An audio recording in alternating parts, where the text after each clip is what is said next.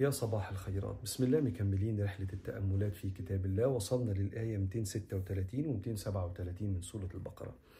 أعوذ بالله من الشيطان الرجيم.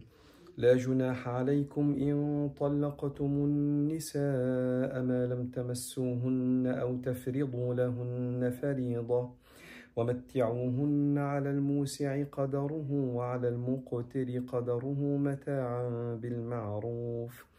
حقا على المحسنين. وإن طلقتموهن من قبل أن تمسوهن وقد فرضتم لهن فريضة وقد فرضتم لهن فريضة فنصف ما فرضتم إلا إلا أن يعفون أو يعفو الذي بيده عقدة النكاح. وأن تعفوا أقرب للتقوى. ولا تنسوا الفضل بينكم إن الله بما تعملون بصير. صورتين من صور التعامل مع الصداق أو مع المهر أو مع المؤخر بالذات لأنه هيحصل طلاق دلوقتي. صورتين وردوا في الآيتين دول. الصورة الأولانية هي صورة واحد كتب الكتاب على مراته لكن وهم بيكتبوا الكتاب أو في إجراءات الجواز ما اتفقوش أصلا لا على مهر ولا على مؤخر. وكأنهم الدنيا خدتهم ودي صورة مش مشهورة لكن كان موجودة زمان عند العرب. لأن الجواز ما كانش فيه إجراءات كتير زمان إنما كان مجرد كلمة. دلوقتي الجواز فيه إجراءات وفيه أوراق لتوثيق الحقوق. لكن زمان كان ممكن يبقى في واحد بيقول له أنا جوزتك بنتي وهي موافقة يقول له خلاص وأنا قبلت خلص الجواز. أيوه بس استنى ده في مهر وفي تفاصيل. فما يكونوش اتفقوا على رقم معين 10 20 50 100 حسب ما الناس بتتفق. فربك بيقول لا جناح عليكم إن طلقتم النساء ما لم تمسوهن. يعني ما حصلش البناء ما حصلش العلاقة الزوجية. كتبوا الكتاب بس ما حصلش الفرح أو ليلة الدخلة زي ما الناس بتقول. هو ده حكمه إيه لو انفصلوا؟ وسبحان الله الطلاق اللي بدري ده بيبقى مؤلم جدا للست أكتر طبعا لكنه للست والراجل. لكنه في الآخر منفذ رحمة.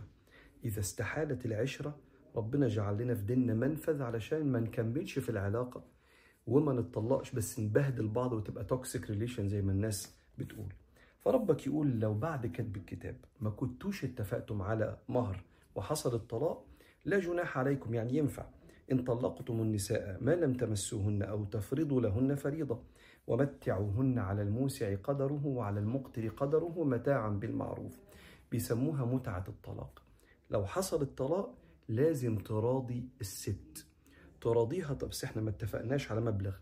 تراضيها بمبلغ يشبه المبلغ اللي كنتوا هتتفقوا عليه لو كنتوا اتفقتوا على مهر مؤخر. وبالتالي إحنا ما اتفقناش لأن لو اتفقنا في الآية اللي بعدها فنصف ما فرضتم. طب ما اتفقناش يبقى لازم تفكر في مبلغ يليق بقدرتك على الموسع قدره وعلى المقتر قدره مقتر اللي معهوش الموسع اللي معاه. ويليق كمان بمقامها وبيسموه مهر الكفء. مهر الكفء يعني اللي مثلا أختها تدفع لها قد إيه بنت خالتها اللي في نفس مستواها الاجتماعي أو المادي وهكذا. فلو ما اتفقناش يحصل ما يسمى بمتعة الطلاق فيبقى في مبلغ بيدفع من الزوج على قد قدرته ويليق كمان بالبنت. لأن ما فيش رقم اتفقنا عليه فنقول نصه زي ما هقول لك دلوقتي في الحكم اللي بعديه. وعلى الم... ومتعوهن على الموسع قدره وعلى المقتر قدره متاعا بالمعروف حقا على المحسنين. فربنا بيشير كده إيه خلي فيه إحسان بلاش بخل وخلي في إحسان كمان من الطرف الثاني من الزوجة وأهلها بلاش تزودوا على الراجل. فالإحسان متبادل. وبعدين جه الحكم الثاني وإن طلقتموهن من قبل أن تمسوهن. كتب الكتاب بس ما حصلش البناء أو العلاقة الزوجية أو ليلة الدخلة. وإن طلقتموهن من قبل أن تمسوهن وقد فرضتم لهن فريضة فنصف ما فرضتم. آه. هنا الست بيبقى حقها من حقها نصف المؤخر. ليه؟ عشان ما حصلش الزواج الكامل. فنصف ما فرضتم.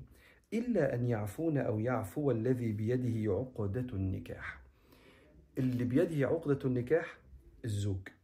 يعفون الزوجة إلا أن يعفون الست يعني وأهلها أو يعفو الذي بيده عقدة النكاح اللي هو الرجل. ومعنى العفو هنا بدل ما نتخانق على النص بالظبط الراجل لا طب اتفضل يا ستي المبلغ ده. أو الست بدل ما تطلب النص بالظبط تقوم تقول تقول له أنت كنت لسه بتجهز أو عندك تكاليف كتيرة هات المبلغ اللي تقدر عليه. لكن الحق إنها تاخد النصف. ده الحق. إلا إذا حصل بينهم لطف في التعامل وحصل فراق بهدوء يعفون أو يعفو الذي بيده عقدة النكاح. وإن تعفوا أقرب للتقوى. كأن ربنا هنا بيقول لما تيجوا تسيبوا بعض. سيبوا بعض بطريقة تليق بيكم. أحب جدا جدا لما أشوف حد بيطلق يطلق طلاق يليق بأخلاقه.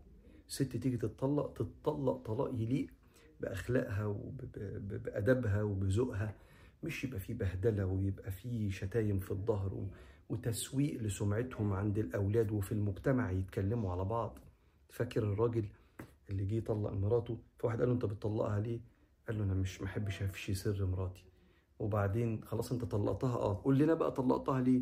فيقول ما أحبش أتكلم على ست لم تصبح حلالا بالنسبة لي لم تحل لي. خلاص بقى هتبقى مرات واحد تاني بعدين أتكلم عليها ليه؟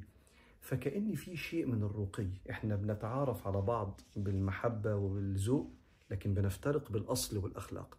وعند الفراق تظهر الأخلاق زي ما بيقول. فبيقول هنا وإن تعفوا أقرب للتقوى ولا تنسوا الفضل بينكم بينكم ذكريات حلوة. خلي الذكريات دي شفيع ليكم وأنتم بتنفصلوا. ولا تنسوا الفضل بينكم إن الله بما تعملون بصير. ربنا شايف أنتوا بتعملوا إيه وكل واحد فيكم محتاج ربنا يوفقه في العلاقة اللي جاية. فيتقي الله أثناء الفراق والطلاق عشان ربنا يفتح عليه ويوفقه في بداية حياة ساكنة هادئة وفيها توسعة وكرم وعوض من رب العالمين. ده كان تفسير الآية 236 و 237 من سورة البقرة. صباحكم رضا وخيرات. نشوفكم المرة الجاية على خير إن شاء الله.